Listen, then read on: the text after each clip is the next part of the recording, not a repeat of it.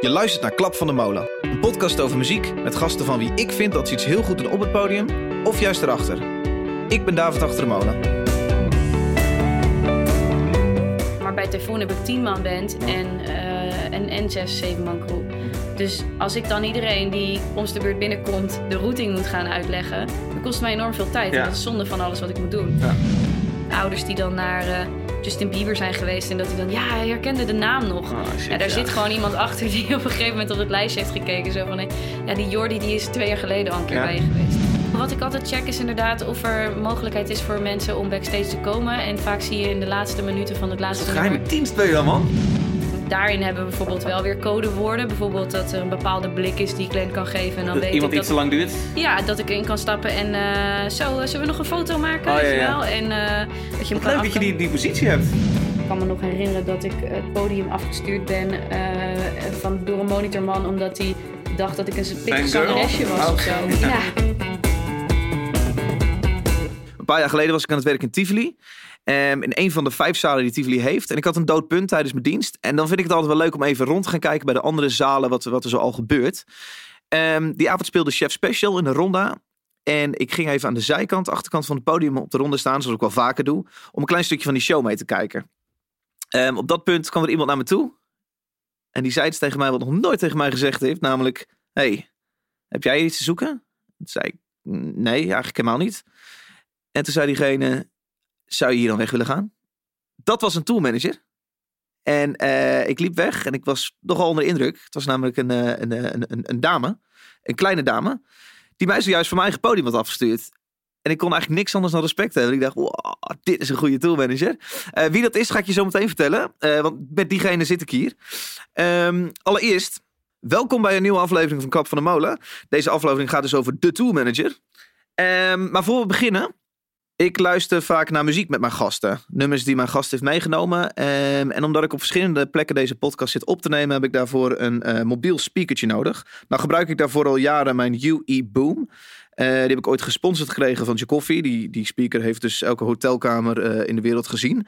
Ehm, en die begon best wel oud en versleten te, te raken. Eh, toen zei Ultimate Ears, de makers van deze speakers... hey, wij vinden jouw podcast tof. Kunnen we jou wat nieuwe speakers sturen? Dus nu zit ik hier met allemaal fancy nieuw materiaal om me heen. Ehm, maar het leuke is, daarbij zeiden ze... laten we eentje extra opsturen, zodat je één kan weggeven aan je luisteraar. Ehm, nou heb ik totaal geen ervaring met producten weggeven en hoe je dat leuk kan doen. Maar ik heb wel de vraag telkens, waar luister jij in vredesnaam deze podcast? Want dat vind ik heel interessant. Zit je op je fiets, zit je in de auto, ben je aan het stofzuigen? Ik weet het echt niet. Ehm, dus wat jij kan doen om kans te maken op deze speaker. Twitter even een link van deze aflevering. Zet hem op je Twitter en zet daarbij de locatie waar je de podcast luistert. Eh, dus doe dat vooral nu direct even. Pak even je telefoon erbij en Twitter. Ik luister deze aflevering eh, op de fiets of in de auto. eh, met de hashtag Klap van de Molen. En dan ga ik hem onder de leukste berichten met de meeste interactie verloten. Mocht je geen Twitter hebben, doe het even op Facebook. Ehm, daarnaast ben ik dank verschuldigd aan Stefan Pluggen, Michiel Veenstra, Donkey Kong Jordan, Robert Adriaanse en Jasper Hebbink. Zij zijn de nieuwe Patreons deze maand. Welkom bij de club. Patreon is een website waar jij je waardering voor deze podcast kan geven. Mocht jij het dus heel tof vinden, eh, kun je met deze podcast daar supporten door Patreon te worden. Mocht je dat willen, ga even naar patreon.com slash klap van de molen. En dat linkje staat ook in de show notes onder deze podcast. Alright, deze aflevering gaat dus over de tourmanager. Ik denk dat het voor heel veel mensen nog onduidelijk is wat überhaupt een manager voor een band doet. Laat staan een, een manager die speciaal bestaat eh, voor de band op tournee. Nou, op mijn eerste ervaring met tourmanagers vanuit het perspectief van een band, een bandlid zijn. We hadden Otto mee en later Laurens. Ehm, zij regelen ontzettend veel. En dat, ik vind het wel eens leuk om uit te lichten wat een tourmanager allemaal wel niet doet. Ook in Tivoli heb ik te maken met tourmanagers. Niet alleen met tourmanagers die mij het podium afsturen. Maar eigenlijk elke keer als ik een nieuwe dienst begin, dan ben ik als eerste op zoek naar de tourmanager van een band. Ik vind het leuk om de bandleden allemaal een handje te geven. Maar telkens is mijn vraag, ben jij de tourmanager? Nee, oké. Waar is de tourmanager? Ligt nog te slapen? Oké. Ehm, want daarmee spreek ik de hele dag door. En daarmee heb ik het meeste te dealen die dag. Nou was er voor mij geen seconde twijfel wie ik voor deze podcastaflevering moest vragen. Dat is namelijk natuurlijk de tourmanager die mij het podium afstuurde in de ronda een paar jaar geleden. Ehm, en dat was jij, Anne Oosterling. Welkom. Dankjewel. Ik vond het heel cool. Eh, Dat is mij nog nooit gebeurd. De andere tourmanagers hebben mij nog nooit weggestuurd. Maakt hun dat nou zo slecht in hun baan? Of ben jij gewoon wat pittiger in jouw baan? Ja, de, de situatie vroeg er gewoon om. Het Ja. was gewoon heel krap. De ronda is gewoon, heeft heel weinig plek. Ja. Je hebt niks aan de zijkant. En we hebben best wel wat mensen rondlopen die actief die show aan het draaien zijn. Gastmuzikanten. Ja, we hadden Ja. toen, volgens mij inderdaad, was het een deluxe show. Dus het was met blazers en dansers. Typhoon zag ik eh, volgens mij erbij. dat is echt eh, een heleboel erop en eraan. En dan heb je nog je backliners, je gitaartags, je, Ja. alle, je monitorman. En eh, dan, ja, het Kun is je niet gewoon geen potkijkers gebruiken. Nee, het is niet per se uit principe. Het is meer dat ik op dat moment denk, is dit, is dit handig? En dan, eh, en dan was het antwoord in dit geval voor jou was dat nee. Ja. En dan is het... eh, dus een andere tourmanager hoeft daar niet per se minder... eh, weet je wel? Je hebt ook vaak bij rock and roll bandjes dat minder uitmaakt. En in ons geval, ja, kan een misstap... of als iemand niet snel genoeg gitaar kan aanpakken... is dat net even lullig. Dus ja, ja dan let je daar gewoon wat meer op. En dan kom je wat strenger over. Ja. dan, eh, dat is dan zo. Ik denk het voornaamste wat ik met deze podcast wil bereiken vandaag is eh, ehm, de luisteraar een beeld geven. Wat, wat doet een, een, een toolmanager? Hmm. Wat doe jij? Waarom ben jij met Chef Special heb jij gedaan? en nu doe je Typhoon. Waarom ben jij met die gasten mee in het busje? En, en ben jij daarbij? Wat, wat, wat ben jij dan aan het doen? Ja.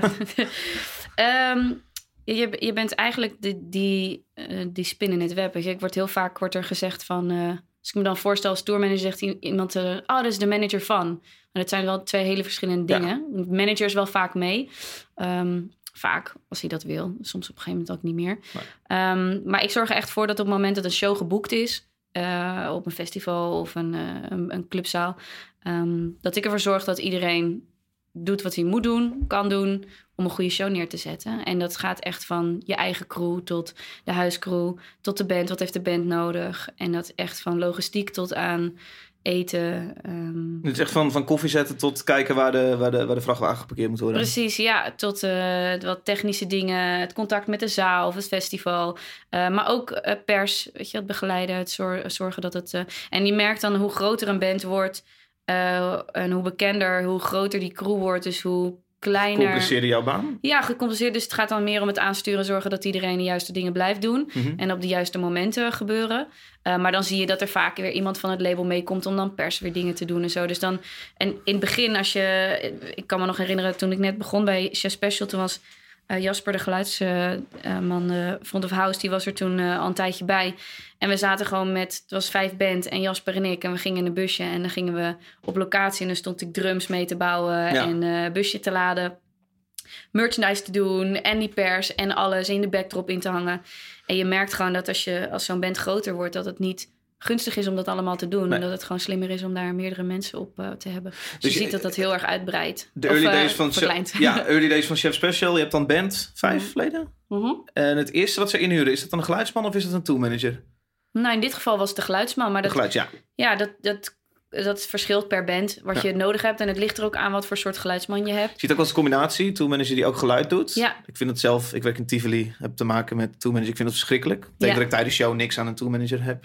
Ja, dan staat hij voor en staat hij het geluid te doen. Dus inderdaad wel een van de argumenten om dus te, dat te splitsen. En in het geval van Chef Special, uh, Paul die het management doet, uh, die was al uh, flink bezig met tourmanagement dingen. Althans, die regelde gewoon alles eromheen. Mhm. Dus het was op de dag zelf vooral. en die jongens deden gewoon zelf heel veel. Het was ook gewoon een, het was toen ook al best wel een do-it-yourself beentje. En ja, dat werkt. Iedereen uh, had gewoon zijn eigenlijk verantwoordelijkheden en dat werkte gewoon. Ja. En dan komt er een punt waarop je zegt van... nou, nu willen we ons wat meer focussen op, uh, op de inhoud in de show. En dan, uh... ik, ik, denk dat het nog steeds wel vaag kan zijn voor de luisteraar nu. Um, neem ons even mee. Je komt met Chef Special op Lowlands, groot festival. Kom je Doe aan? maar, gelijk Lowlands. We gaan direct de Lowlands doen. maar je komt aan... Um, laten we even de laatste, de laatste jaar pakken dat jij Chef Special hebt gedaan. Je komt aan Mhm. mm -hmm. op Lowlands met je busje. Wat gebeurt er dan? Poeh, je slaat wel een heel stuk over van uh, mijn baan. Oké, okay, uh, de voorbereiding. De, de voorbereiding, ja. ja. Nee, um, dus inderdaad, in de voorbereiding heb ik dan het festival al lang gesproken. Ja. En uh, heb je natuurlijk je rider, dus de wensen, van de, wensen en behoeften van de band doorgegeven. Maar dat is vooral omdat je even laat weten met wat, met wat voor spullen komen we, wat ja. hebben we nodig op het podium. Wat vinden um, we leuk om in de kleedkamer te hebben? Ja, leuk, maar ook nodig. Weet je wel, je moet je voorstellen dat in Nederland toeren is, is niet zo. Uh, dan kom je s'nachts thuis, slaap je in je eigen bed ja. vaak. Dus je hebt niet zo heel veel nodig. Maar er, er zijn ook dagen waarin je gewoon geen mogelijkheid hebt om naar een supermarkt te gaan. En dan Mhm. zijn er wel bepaalde dingen nodig. En um, dus dan kom je aan en eigenlijk het, dan is het een beetje afhankelijk van welke fase je zit. Maar in dit geval Lowlands, dan eigenlijk check je eerst altijd even de kleedkamer. Zorgen dat de jongens eh, op de juiste plek zijn. Mhm. In dit geval trouwens uh, toert crew eh, los van band. Dus, Dus de eh, crew is eerder aanwezig. ja, En jij komt dan met de crew mee of kom je met de band mee? Ehm, nou, meestal met de crew eigenlijk. Ehm, dus zodat ik eerst even op het podium kan kijken. En als er dingen in de kleedkamer zijn, dat ik ze kan fixen voordat de jongens aankomen. Ja. Dat is altijd wel lekker. En ik vind het gewoon lekker als dingen klaarstaan. Ik heb mijn eigen bordjes voor op de, op de kleedkamer en eh, tijdschema's. En eh, dat is gewoon lekker herkenbaar. Bij elke Ja. show weet ze hoe het eruit Dus één ziet. kleedkamer staat een bordje crew op, de andere staat een bordje chef special op, Ja, band. En de andere staat Joshua. Ik weet de naam even niet. Joshua? Ja, maar dat is niet het geval bij Chef Special. Oké, het is ja. gewoon een band. Oké. ja. Ehm, dat is bij Typhoon bijvoorbeeld wel zo. Maar dan hebben we het ook een- over een band van tien man. Dus Ja. dan eh, gaat de privacy wel eh, wat achteruit. Ja, eh, in die de naam draagt van de zanger-rapper. Ja, en het is ook op festivals heb je vaak Porto Cabins als kleedkamer, Mhm. wat gewoon een klein ho- hokje is. En er, nou, als je daar met z'n vijf zit, dan heb je al het gevoel dat het vol zit. Ja. Dus dat wil je ook wel anders. Maar ehm, nee, en het is vooral eigenlijk om even aan te geven, alles wat ik in de voorbereiding doe en ook het eerder aankomen. En dat, dat zorgt er eigenlijk voor dat ik op de dag zelf minder vragen hoef te beantwoorden. Dus heel veel dingen, dus wifi-wachtwoord zet ik dan al op. eh, op de sheets die in de kleedkamer ja, het scheelt gewoon enorm veel. eh, hey Anna, waar is dit? Hey Gewoon Anna, zus. Tien keer eh, de vraag, wat is het wifi-wachtwoord van ja, dan waar is de wc? Dus er hangt dan al een pijltje. Of, weet je wel, of je komt in een zaal waar de routing naar het podium heel lastig is. Dan heb, ik dat al een keer uitgezocht. En dan weet ik dat al te lopen. Dus dat, dat zijn dingen die ik wel echt fijn vind om te doen. En op podium precies hetzelfde. En even te checken of alles er is. Weet je wel. En vaak ook even een moment creëren van... dat je dingen nog kan oplossen. En niet op het moment zelf ineens een soort van moet goochelen. Of, eh, Ja. en dat is wel lekker. En ook even gewoon, dat vind ik het echt het fijnste. Door, dat ben ik steeds meer gaan doen. In het begin vond ik dat heel lastig, erkende ik dat niet. Maar gewoon eerder komen en ook een kopje koffie doen. En eens met iemand kletsen op het podium. Want je staat Mhm. daar de hele dag mee te werken. En eh, je kent elkaar niet goed. En als er ineens, when the shit hits the fan, dan wil je wel met elkaar door één deur kunnen. Ja. En, en dat je niet dan eigenlijk lijnrecht tegenover elkaar komt te staan Ja. of zo. Maar ben jij zo'n tourmanager? In Tivoli hebben we altijd inderdaad je hebt verschillende tourmanagers die binnenkomen. En vaak als je grote Amerikaanse producties hebt, dan hangt er echt op elk hoekje, op elk muurtje hangt een, een, een bordje met een pijl waar de band naartoe moet. Echt Ja. alsof je met Kleine kinderen aan het werken kleine kinderen bent. te maken hebt. Ja. Maar dat, dat doe je ook? Pijlen vanaf de kleedkamer naar het podium, deze kant op. Nou, dat valt wel mee. Op zich, in de podia in Nederland is de routing eigenlijk altijd wel standaard aangegeven. Maar wat wel... ehm, ik heb ze wel altijd bij me. Bijvoorbeeld een, een, een bordje naar wc doe ik eigenlijk altijd wel. Oké. Ehm, ja, nou, het- weet je wat het fijne is? Als jij heel veel shows hebt en je komt steeds op verschillende plekken... Mhm. dan voor jou in de Tivoli, als stage manager in de Tivoli, herken jij, eh jij komt daar elke dag, Ja. weet je wel. Je herkent die en je herkent die routingbordjes. Alleen als je elke keer in een andere zaal komt, dan herken je dat niet. Dus als je dan je eigen soort kleurtje of je eigen foto of je eigen logo van je band ziet, Ja. dan is daar veel sneller een herkenning en een soort van ook die ontspanning van, oh, weet je wel, ik kan gewoon daarheen. Of, eh, Maar het is een beetje per tourmanager. Ik denk verschillend hoeveel je de band Ja. pampert en hoe ver Ja. je hierin meegaat. Het is vooral, eh, in dit geval bijvoorbeeld, is dat wat minder pamperen. Is het wat meer zorgen dat die zelfstandigheid daar is. Zodat ik er niet meer continu iedereen... Want zeker met een, een grote, en dat is dan met Chef Special... gaat het dan nog om een band van vijf en een crew van vijf, zes. Ehm, maar bij Typhoon heb ik tien man band Mm. en, eh, en, en zes, zeven man crew. Mhm. Dus als ik dan iedereen die ons de beurt binnenkomt... de routing moet gaan uitleggen... dan kost het mij enorm veel tijd. Ja. En dat is zonde van alles wat ik moet doen. Ja. Dus ehm, het is ook gewoon efficiëntie en tijdbesparing. Dus eh, dat is denk ik sowieso door de jaren heen. Als je tourmanager bent, ga je gewoon continu op zoek naar efficiëntie en zorgen dat dingen zo van, oh, ik doe nu drie keer dit, kan ik dat ook in één keer Ja. of zo, weet je wel? Oh, ik ben nu echt vier keer aan het sjouwen, misschien moet ik een kratje erbij halen, weet je wel? Dus, Ja. dus je gaat gewoon naar handigheidjes zoeken. En ik denk dat dat wel het verschil is tussen het pamperen van een band en zorgen dat je gewoon je, Ja. je daadwerkelijke baan kan doen. Ben, ik moet zeggen dat ik heb dat wel eens, eh, weet je wel, eh, als je het over pamperen hebt, wel een goed voorbeeld dat je eh, dat ik soms expres spullen laat staan. Gewoon om, ja, we ruimen het Laten zien, op. ik ga niet alles doen. Nee, en het, het is ook wel een stukje eigen verantwoordelijkheid, weet je wel. Als jij spullen mee naar de kleedkamer neemt en de bus gaat om 12 uur dicht. Ik ga Mhm. twee keer zeggen dat die bus op een gegeven moment dicht gaat. En als hij er niet staat, dan laat ik hem staan, weet je wel. Ja. En, ehm, en in het begin raapte ik dan alles op. En dan zat ik weer een hele week met allemaal spullen van iedereen thuis. En dan moest ik dat de volgende keer weer terugbrengen. En eh, dat, dat verandert wel. Dat je, en dat, dat werkt ook, want op een gegeven moment... ehm, gaan ze ook snappen... er is een stuk wat mijn verantwoordelijkheid is als artiest. Mhm. En er is een stuk wat ze wel kan voorzien en verzorgen. Ja. En, eh, en daar moet wel een scheidingslijn tussen zitten. Hey, even terug naar Lowlands, hè? De band is er. Ja, Ehm, jullie hebben pers voor de show.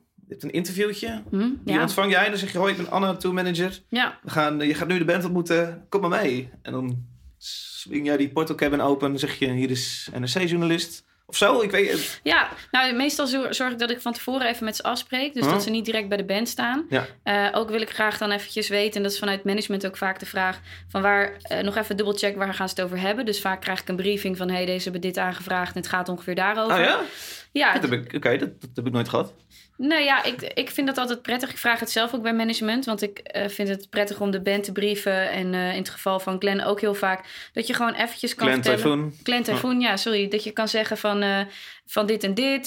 Ze hebben bijvoorbeeld nu een thema. Het gaat daar en daarover. Je kunt deze en deze vragen verwachten.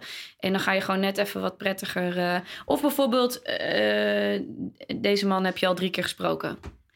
Dat hij even weet van, hey, Ja, dat, eh, niet- dat zich niet gaat voorstellen. Ja, precies. En eh, je, ik denk dat Matthijs van. Nieuwkerk ook zo iemand heeft. Oh, ik denk dat heel veel eh, zeg maar bekende mensen die vaak dat soort interviews moeten Ja. doen, dat die gewoon. en je ziet dat, kijk, vind ik altijd leuke verhalen dan ouders die dan naar Justin Bieber zijn geweest en dat hij dan, ja, hij herkende de naam nog. Oh, shit, ja, daar ja. zit gewoon iemand achter die op een gegeven moment op het lijstje heeft gekeken. Zo van, ja, die Jordi die is twee jaar geleden al een keer bij je geweest, weet je wel. En dat is niet dat het dan niet echt is of zo, maar het zorgt wel weer voor gelijke ontspanning en dat er gewoon een leuk interview kan plaatsvinden of zo. Ja. En ehm, dus dat doe ik altijd. En ik zorg altijd eventjes dat, eh, ehm, dat ze niet zomaar de kleedkamer inlopen. En dat ik even check, zijn we er klaar voor? Of dat ik een locatie zoek.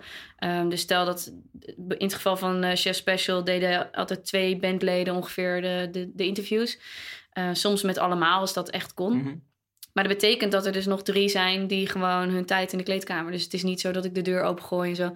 hey, hier, veel plezier. Je Ja. denkt wel even na over. Nou, misschien moeten we even in, de, in het cafeetje zitten. Of laten we even in de perstent gaan, eh, gaan kijken. Of, eh, En zeker als er meerdere zijn, dan probeer ik ze op één locatie te doen en achter elkaar. Zodat je Ja. gewoon een blokje hebt en eh, in en eruit. Weet je, wel, zo min mogelijk Ja. energie verspillen. Cool, hebben we dat gehad, administratie, bla bla bla. Dan, is het, dan ga je voorbereiden de show. Dan, dan Mhm. zorg jij dat de band, eh, in het geval van een festivalsetting, dat de crew alvast de boel opzetten. Vaak Ja. achter het podium op Ja. rolling risers. Ja. Ehm, eh, en dan is het moment daar, dan ga je de band halen. Ik, ik ken dit alleen maar vanuit het perspectief van een, een bandlid zijn, maar niet Ja. vanuit het pers- perspectief van tourmanager hoeveel, zijn. hoeveel crew had jij mee met eh je Ehm, band? Eh, het verschilt een beetje buitenland of binnenland. In Nederland Ja. hadden we echt de, de volle bezetting. Dus hadden Precies. we eh, twee merchmensen, eh geluid, geluid, backliner, gitaartech, eh, licht. Ja, ik denk, eh denk ze- eh, toolmanager acht man of zo. Ja, een Ja. vijf man band. Ja. Maar buitenland dan ehm stripten we down tot eh, eh, geluid en toolmanager. Of in Engeland zelfs alleen maar een geluidsman. Ja. Ja. Ja, precies. Ja, dat is eh, heel eh, vergelijkbaar hoor. En in Nederland is, dan, is het dan zo dat ik de, dan ook de band echt ga halen... en dat het podium gewoon veel dingen door kunnen gaan. Ja. En eh, in het buitenland is het zo dat de band... dan zeg ik, jongens, over tien minuten moet je daar staan. En dan moeten ze Ja, er dan- zijn. Ja, Want ja, dan heb je soms geen tijd om heen en weer te lopen, Nee. bijvoorbeeld. En soms staan ze dan natuurlijk ook zelf op te bouwen. Dan heb je je backliners niet mee. En Nee. maar nu staat het dan in geval van Lowlands. Want daar hebben we het Ja, over. Lowlands staat het allemaal klaar. En ehm, vaak spreek ik nog eventjes de presentator. Of Oh. hij eh, de naam goed Wat kan uitspreken. allemaal. Ja. ik begin te twijfelen aan mijn eigen toolmanager nu. oh jee. Ik weet niet wie het is. Ik hoop niet dat iemand... eh, nee. maar ehm, nee, ja, in het geval van Chef Special wordt bijvoorbeeld de naam nog wel eens verkeerd gezegd. En eh, nou is het natuurlijk niet per se mijn taak om daar heel erg me mee te bemoeien. Maar ik vind het toch altijd Hoe kun fijn. je chef special verkeerd uitspreken? Chief Special. Chief. wel, die- wat heb ik allemaal gehoord, joh? Echt alle variaties. Oké. Ehm, en dan eventjes of ze de laatste info hebben. Ehm, misschien is er een, eh, een show in de regio die ze even kunnen noemen. Of eh, weet je wel, dus dat je nog even... Dat willen ze heel vaak met de zanger doen. Nou, probeer ik dat altijd een beetje af te Ik wil houden. zeggen, want dit soort gesprekken heb ik wel eens met presentatoren Ja. gehad. Van, eh, Ja, als het grote podia zijn, dan eh, is dat vaak, laat ik dat wel gebeuren. Maar eh, soms is er ook zoveel pers omheen en is een dag al super druk. En dan heb ik zoiets van, nou, dan kan ik je ook wel de- van die informatie voorzien. Ja. Het is natuurlijk jammer van dat momentje, maar ja, ik, eh, soms moet je keuzes maken. Ik zei het verzin maar wat tegen presentator. Het is toch vet als je gewoon echt bullshit Oh, verhaal ja. hangt.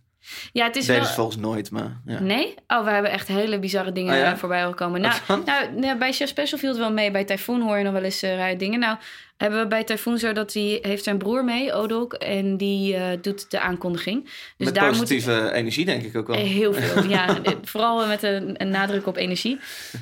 Nee, die, ehm, die doet inderdaad de aankondiging. En dan moet ik dus inderdaad ook echt de presentator zoeken... en hem teleurstellen dat hij dus niet de aankondiging Oh, ja. kan doen... maar alleen de afkondiging. Ja. En ehm, dat zijn wel van die dingetjes... want presentatoren zijn niet altijd op een podium. Dus dan eh, soms is dat echt zo last minute... eh, en dan krijg je zo'n beteuterd gezicht Ja. eh, erbij. Ehm, en hoe je afspreekt dat je start... Dus met een stage manager wie de cue geeft, Ja. waar. En dat ik natuurlijk bij mijn monitorman even check of al onze crew klaar is. Ja. Ehm, en of we überhaupt kunnen heeft een beginnen. portofoon of zo? eh, Nou, die heeft sowieso een lijntje maar naar de front of house. Dus die kan eh, heel vaak gewoon eventjes checken van... hey, eh, ben je klaar? Weet je wel? Is het voor jou Even een lijntje is een microfoontje van Ja, yo, yo. ja, Een shoutbox. Ja, een shout. Ja, zo heet dat. En, of althans, het ligt eraan, ASL, wat maakt niet uit hoe je het... eh, ehm, en hoe groter je gaat, hoe vaker je inderdaad een eh, porto-kit met z'n allen mee gaat nemen. Ja. Want dan zijn de afstanden op het podium ook zo groot... dat je niet even naar de andere Even kant... eh, Ja. precies. Dus ehm, ja, dan check je of alles het doet... en of er een go is vanaf het podium. En, dan, eh, en vaak heb ik daarvoor dus al de in-ears achter eh, bij iedereen... eh erom gehangen, Ja. geholpen met nog een riempje vastmaken. Of, En dan begint de show en dan ben je even klaar? Of, of ben je dan nog aan het rennen met kabeltjes goed leggen? Nee, je bent niet per se aan het rennen, maar je bent wel aan het opletten. Dus je, je staat erbij, bijvoorbeeld... Ja, wat kan er gebeuren? Nou, Ik hou me echt van het domme, want ik weet heel goed wat er allemaal kan gebeuren. Maar je hebt vast alles al een keer meegemaakt. wat, wat, wat doe jij dan zoal tijdens de show? Eh, nou, het is vooral kijken of er... eh, Kijk, eh, in het geval van backliners en gitaartechs die er zijn... dan is Mhm. het hun taak dat als er op het podium iets fout gaat... ehm, dat zij erop op inspringen en dat ze het gaan oplossen. Ja. Ehm, het is niet zo dat ik dan ga staan kijken en eh, denk... nou, dat komt allemaal wel goed. Als het dan niet snel genoeg opgelost kan worden... dan ben ik wel degene die gaat checken... wat is er nou precies aan de hand? Hebben we iets nodig? Moet er meer gebeuren dan dit? Ehm, zit er bijvoorbeeld iets bij de lokale techniek waar het fout gaat? Eh, maar ook een ding wat ik ook wel vaak zie is... eh, we hebben best wel een fotobeleid. eh, bijvoorbeeld bij Typhoon. Drie leegjes, geen flits. Ja, nou dan heb je het echt over de fotografen die in de goot aan de voorkant Ja. tussen de barriers staan. Maar je hebt ook wel eens van die huisfotografen, ook van de festivals, die op de podia Ja. staan. Nou, van tevoren spreekt dat vaak wel af met een stage manager. Van dat is in ons geval is dat een no-go. dat willen jullie niet. Jullie Dat vinden willen het we een gek beeld dat er een fotograaf op Ik bepaal het meestal niet. Het is, het, meestal komt het vanuit management of de wens van de artiest. Maar het kan ook zijn dat de artiest naar me toe komt en zegt... eh, ik ken deze man, laat maar gaan, weet je wel. Ik wil daar wel graag foto's van. Het is ook wel eens dat ik ze ken en dat ik zeg tegen het management... hier komen wel mooie dingen uit. Is het goed als ik hem een half minuutje... Bart Heemskerk wil je wel even het podium laten. Bijvoorbeeld, ja. ja, dat soort, eh, of HP, of weet je. Er zijn er een aantal die doen de grote festivals en daarvan weet je. En dat is ook leuk, want die sturen je ook altijd een fotootje erna... en dan kan je het weer even op de social zetten. Dus er zijn wel uitzonderingen, ehm, maar die gaan altijd in overleg met dan eh, management en de artiest. Ja. Ehm, en een van de dingen die ook, als je op grote podia staat... en Lowlands is er bijvoorbeeld ook een van... heb je ook een hele filmploeg eh, vaak op podium lopen. Ja. Cameraploeg, die Ja. dus de grote schermen, de live dingen doet. Ehm, maar ook wel eens dat er gewoon een registratie is. En die willen overal bovenop zitten en die willen het mooiste plaatje, wat Ja. natuurlijk hartstikke leuk is. Maar dat betekent ook wel eens dat ze vol in het zicht staan van mijn monitorman of eh, bij die backliner. Eigenlijk hetzelfde wat jij toen Ja, in de de eerste team had. duizend mensen die niet naar de schermen kijken en naar het podium kijken. Dus Ja. dat is ook- ja. Ja, en Ja. dan over recht voor de drummer gaan staan bijvoorbeeld of zo. Ja. En, eh, of gewoon ook letterlijk in iemands nek staan, eh, staan filmen terwijl jij die show staat te spelen. En Ja. de ene Wat doe je dan? Loop je dan naar zo'n cameraman toe? Tik je op schouder en zeg je, yo, Ja, dude. ze hebben vaak een ringetje aan hun riem aan de andere Ja, achterkant. precies, je trekt gewoon even aan. Ja. Nee, ehm, eh, meestal bespreek want dat is ook van het eerder binnenkomen scheelt enorm. Dus kan je eventjes contact maken. Ik zoek eigenlijk altijd degene op die dat allemaal aanstuurt. Ja. En dan leg ik eventjes uit. En heel vaak tape ik ook op de vloer een soort van lijn met wit tape van dit Holy is shit, man. hoe ver je kunt gaan. Ehm, nou ja, bijvoorbeeld een van de, de, de, de blazers van Typhoon staan vrij ver vooraan op het podium. Mhm. En die hebben al heel weinig ruimte, want Glenn die neemt samen met zijn broer best wel wat Die lekker eh, op loopruimte en neer kunnen lopen. Die wil op en neer kunnen rennen. Uh, maar dat betekent dat er rechtsvoor, eigenlijk stage right is vanaf de achterkant gezien, dat er heel weinig plek is. En dat is nou precies een plek waar dan altijd een cameraman staat. Ja. En dan trekt dus echt wel een witte streep, want je ziet gewoon dat die blazers, die raken zo steeds meer midden dat podium op. En dan gaat dat hele plaatje en eh, ook het, dat speelplezier gaat natuurlijk ten koste van... eh, althans Dus je hebt altijd witte, dunne witte tape bij in je pelicase? Ja, gewoon, eh ja, ja, gewoon gaffatape, maar dan wit. En, en ook wel afzettape. Dus als ik denk van het wordt nu te druk achter het podium. De potkijkers? De pottenkijkers, Zeker. ja. De Davids die Ja. eventjes komen kijken. Ja. Ehm, en dan zet ik even een stukje af en dan zeg ik, je mag best komen kijken, maar ja, wij moeten ons werk kunnen doen. En dan probeer ik een middenweg te vinden daarin. Dus dat zijn wel van die dingen die ik... eh, en als het inderdaad, als ze na drie keer... Want je hebt er altijd een aantal tussen zitten die niet luisteren. Maar ik zorg eigenlijk altijd dat ze van tevoren dat een keer van hun baas hebben gehoord. Van, weet je wel, dit zijn de grenzen, let hier en hier op. Ja. En als ik denk van, nu ga je telkens drie stappen te ver... dan inderdaad pak ik het ringetje achter in de riem... en dan trek je een stukje terug. En dan vraag ik nog... Doe je dat uiteindelijk wel? ja, ja, als, ja, als dat echt. Want als dat het speelplezier van de band Echt echt. met Anna, man. nou, dat doe ik nog steeds heel vriendelijk. Dus ze zitten ook vaak heel erg in de show, hè. Dus ik kan ze niet echt op een eh, soort van aanspreken of zo. Dus Ja. eh, vaak. eh, en ze hebben eigenlijk altijd een kabelroller achter zich. Dus degene die de kabels Ja. rolt. En die kan je meestal wel aanspreken. En Ja. meestal is hij degene wel die aan het ringetje trekt hoor. Maar het, dat is wel de laatste. De laatste manier of de ja, mogelijkheid om het eh, op te lossen. Oké, we moeten de gaan afronden, want we moeten echt muziek gaan draaien. Mijn beleid is 10 minuten praten en dan één nummer. Maar Is we dat zitten nu al op 20. Uh, ja. Maar goed, de band komt podium af. ja, Moet je dan nog fangirls tegenhouden? Ja, nou, wat ik altijd check is inderdaad of er mogelijkheid is voor mensen om backstage te komen. En vaak zie je in de laatste minuten van het laatste geheime nummer... dienst ben je dan, man? Ja, nou goed. En het is ook... ehm, ik check ook altijd eventjes, bijvoorbeeld als het podium afkomt... en ik zie, zeker in de, in de soort van zuidelijke contraien... eh, veel vrijwilligers bij een festival bijvoorbeeld... dan, dan hoopt zich dat wel achter een Dat beetje op. En dan eh, check ik eigenlijk altijd eventjes van... hey, doen we, wil je dit nu doen? Of wil je even je momentje pakken... en dan zorg ik dat we later even terugkomen... en dan spreken we bij een plek af of zo. En ehm, dus dat... Het ligt er een beetje aan wat... eh, dus ik check meteen op het moment dat hij afkomt... van hey, hoe zit het? Hoe sta je? Weet wil je? Wat wil je? Gaan we je- er als het doorheen? telefoon En- afloopt, je hebt een flesje water en een handdoek? Ja. Ik weet niet hoor. Ja, Geef je aan hem, zeg je, hey, wat wil je? Ja, precies. Doe ik zijn oortjes af. Je Laat zegt niet, uit- vette show. Het is even, het is wat wil je? Nou, ja, Nee, ik kan me voorstellen hoor, gewoon Ja. eh, to the point. Ja, er is wel een, er is natuurlijk wel even een momentje dat je zegt van, hé, hey, eh, hoe ga je, wat vond je ervan? En soms vraagt hij dat ook, of eh, weet je wel, dan komen de bandleden en die zeggen dan meteen zo'n knikje van, wat, eh, wat vond je ervan? En dan, eh, ja, soms, kijk, die show ken je door en door, dus je weet precies waar de fouten gemaakt worden. En soms Mhm. maakt het ook niet uit. En soms komt hij het podium af en dan, en dan weet je gewoon dat er stug publiek was. En dan kun je het daar heel even over hebben, weet Ja. je wel. Dus ehm, nee, ja, over het algemeen niet zozeer, omdat er best wel even... Ja, daar heb je dan daarna wel weer tijd voor om het Ja. er even over te hebben, weet je wel. Maar er is wel even een soort zakelijk moment van, oké, wat, wat wil je? Ja, En dan hebben jullie een soort geheim codetaaltje van eh kleedkamer nu. Of, prima, kom Ja. erop. Of, is, ja, ik heb er niet echt een codetaal voor, maar het is wel dat je inderdaad even kort afspreekt. Ja. En, eh, en dan betekent inderdaad dat als dat zo is, dan pak ik de eerste beste beveiliger die ik dan begin van de dag al een handje heb geschud Ja. en een kopje koffie heb aangeboden. Ehm, die trek ik er even bij, zo van, hé, hey, we willen even doorlopen, kun je ons een handje helpen? Of, eh, of vaak kan ik zelf meelopen. en dan spreekt zeg tot de verbeelding hoe je dat nu zegt. Alsof er dan echt een beveiliger soort van mensen zo tegen Ja, soms is dat en... wel, eh, soms is dat wel nodig. Of zo. Het ligt ja. een beetje aan waar je bent. Maar ze Maar lachen, dan denk je, je hebt backstage een zone waar het publiek niet komt, zodat de Ja. artiest een vrij baan heeft naar zijn Ja. kwijtkamer. Maar dan heb je dus blijkbaar met zoveel eh, randpersonen te maken. ja, noem vrijwilligers. En ze, Ja. ze krijgen al niet betaald. Dus snap ik dat dit misschien een ja van dat de is een hun inventives momentje, is. ja. Ja, maar blijkbaar moet je dan nog wel... De Den Haag Parkpop is daar een heftige in. Eh, Die heeft echt heel veel vrijwilligers. Ja, maar dat valt wel mee. En ehm, die hebben zeg maar de, de trap, het podium af, komt praktisch eh, uit op het stukje waar je. Dus je moet één. eh, je hebt één zone waar je door moet. Ja, je, hebt er, je moet er doorheen. Bijna een ja. straat of zo. Ja, Ja, precies. Ja, en dat heb je best wel veel. En het is zo dat over het algemeen. Kijk, het ding is, eh, die vrijwilligers die doen het, proberen het altijd wel netjes te doen, weet je wel. Maar zij zijn daar ook wel een beetje die dag, omdat ze dan hopen een fotootje met te krijgen.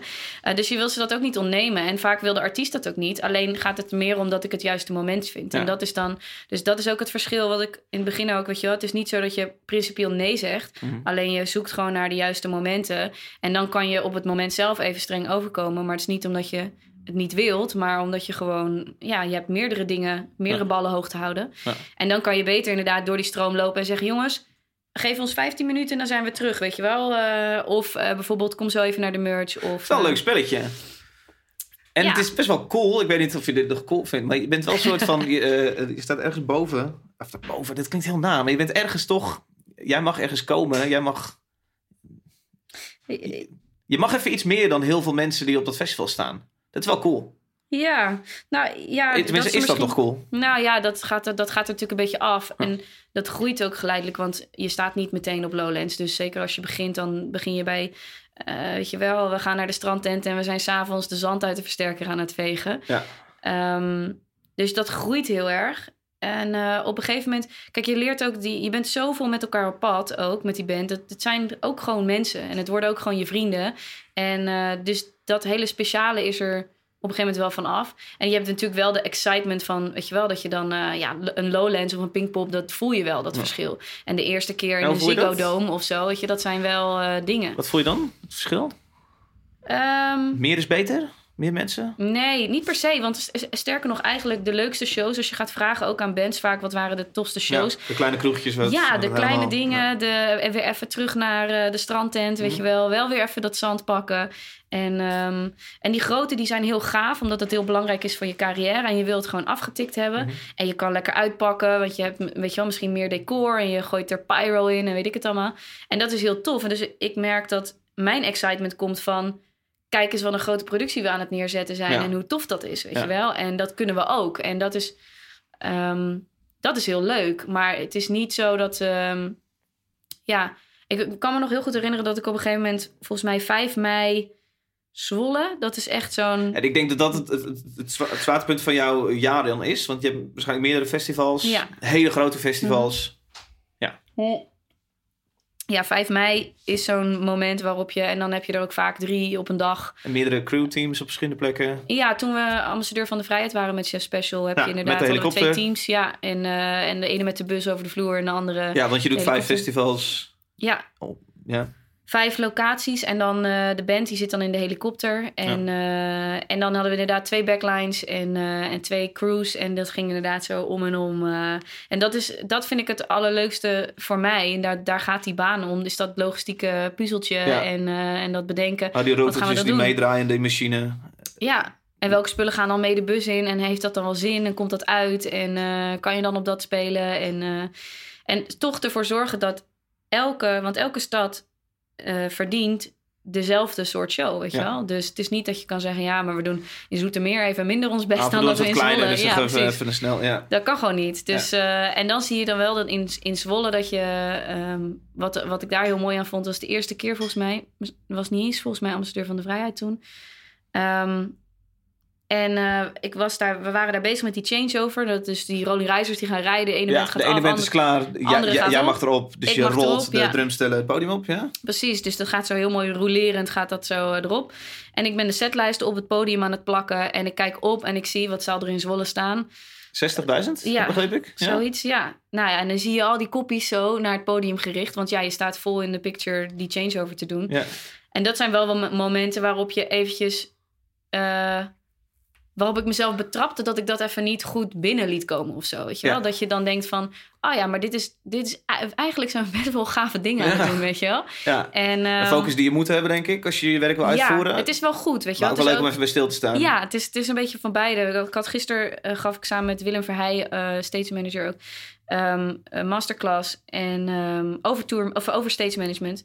En daar hadden we het ook over van eh, eh, grote artiesten en eh, hoe gedraag je, wat is je houding. En, maar ook dit soort momenten van ja, hoe, hoe ga je daarmee om? Mhm. Je merkt gewoon dat eh, je bent zo gefocust op, op dat werk en op het goed willen neerzetten en dat je team en zo, dat je gewoon vervolgens vergeet met wie je eigenlijk allemaal werkt, hoe mooi die muziek is. Ja. En dat is wel, ik heb het altijd heel leuk gevonden ehm, om bij de merchandise te staan. Niet omdat ik nou zo graag. Ja, omdat je even weer levelt met die bezoeker. Van, hey, Ja. fuck, dit is... Ja, wat gebeurt hier eigenlijk? Ja, Ja. want Ja. Je, het gaat helemaal aan je voorbij. Je hebt die show al tien keer gezien, dus het komt niet meer op dezelfde manier binnen. En ehm, zeker in het begin, als ik dan, als de band dan nog niet bij de merchandise stand was en ik was dan dingen aan het klaarzetten, dan hoor je dus allemaal wat die mensen ervan vinden, Ja. wat die bezoekers ervan vinden. En ehm, ja, dat vind ik echt de aller, dat zijn de mooiste momenten. En dat is ook. Ik moet ook zeggen dat dat heb je ook af en toe nodig om. eh, dat is ook nog steeds waarom ik ben blijven toeren. Terwijl ik eigenlijk ook gewoon op branding, communicatie en social media heel druk ben. Ja. Eh, omdat ergens miste ik. Weet je, ik ging op een gegeven moment steeds meer op kantoor zitten. En ook met Chef Special minder, minder mee op tour. Ze gingen ook naar Amerika. Het was gewoon slimmer om dat day-to-day management te doen.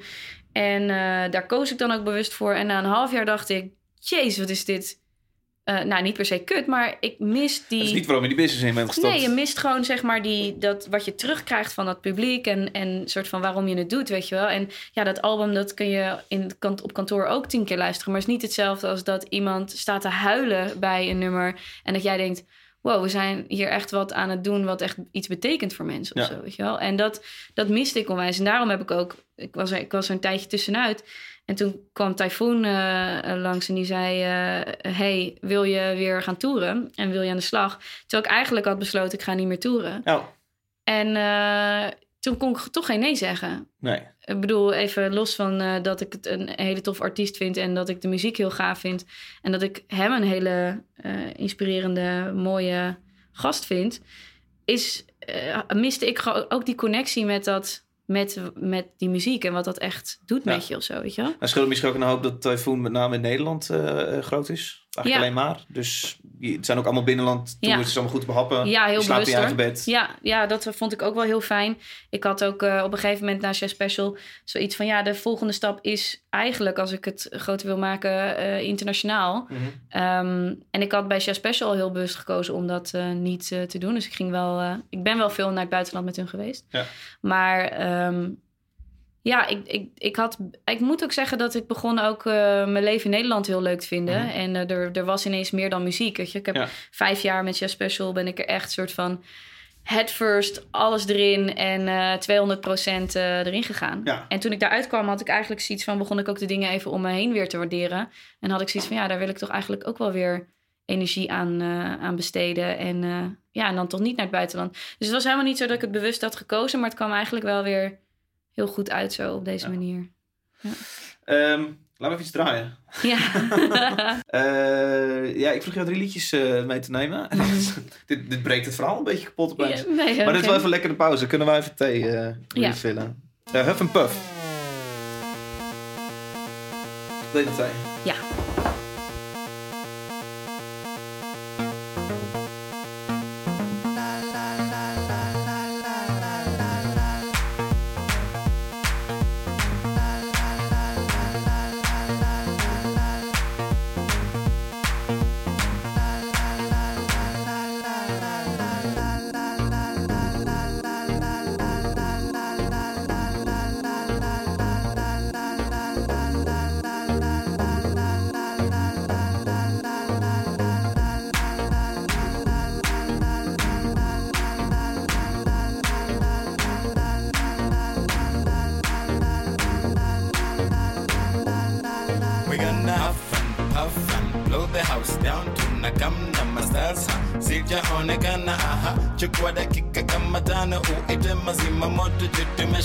Nare wakichelewa watapata tuni moshi imebaki juu maji haitoshi hii so smooth oh so nice play it twice twice twice have a good time Are you got to give me something,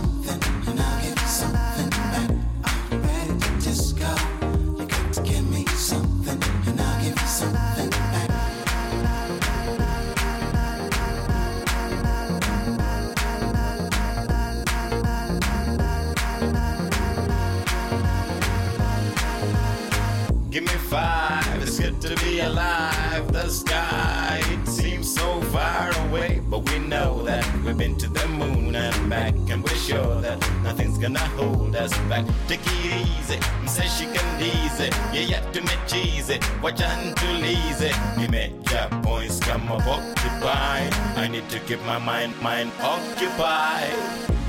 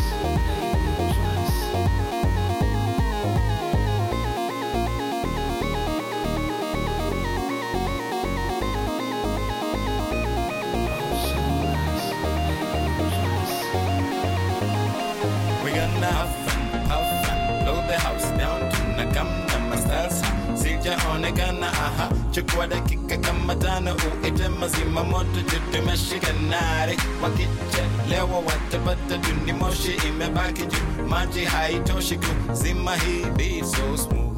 Oh so nice. Play it twice twice twice. A good time. A good time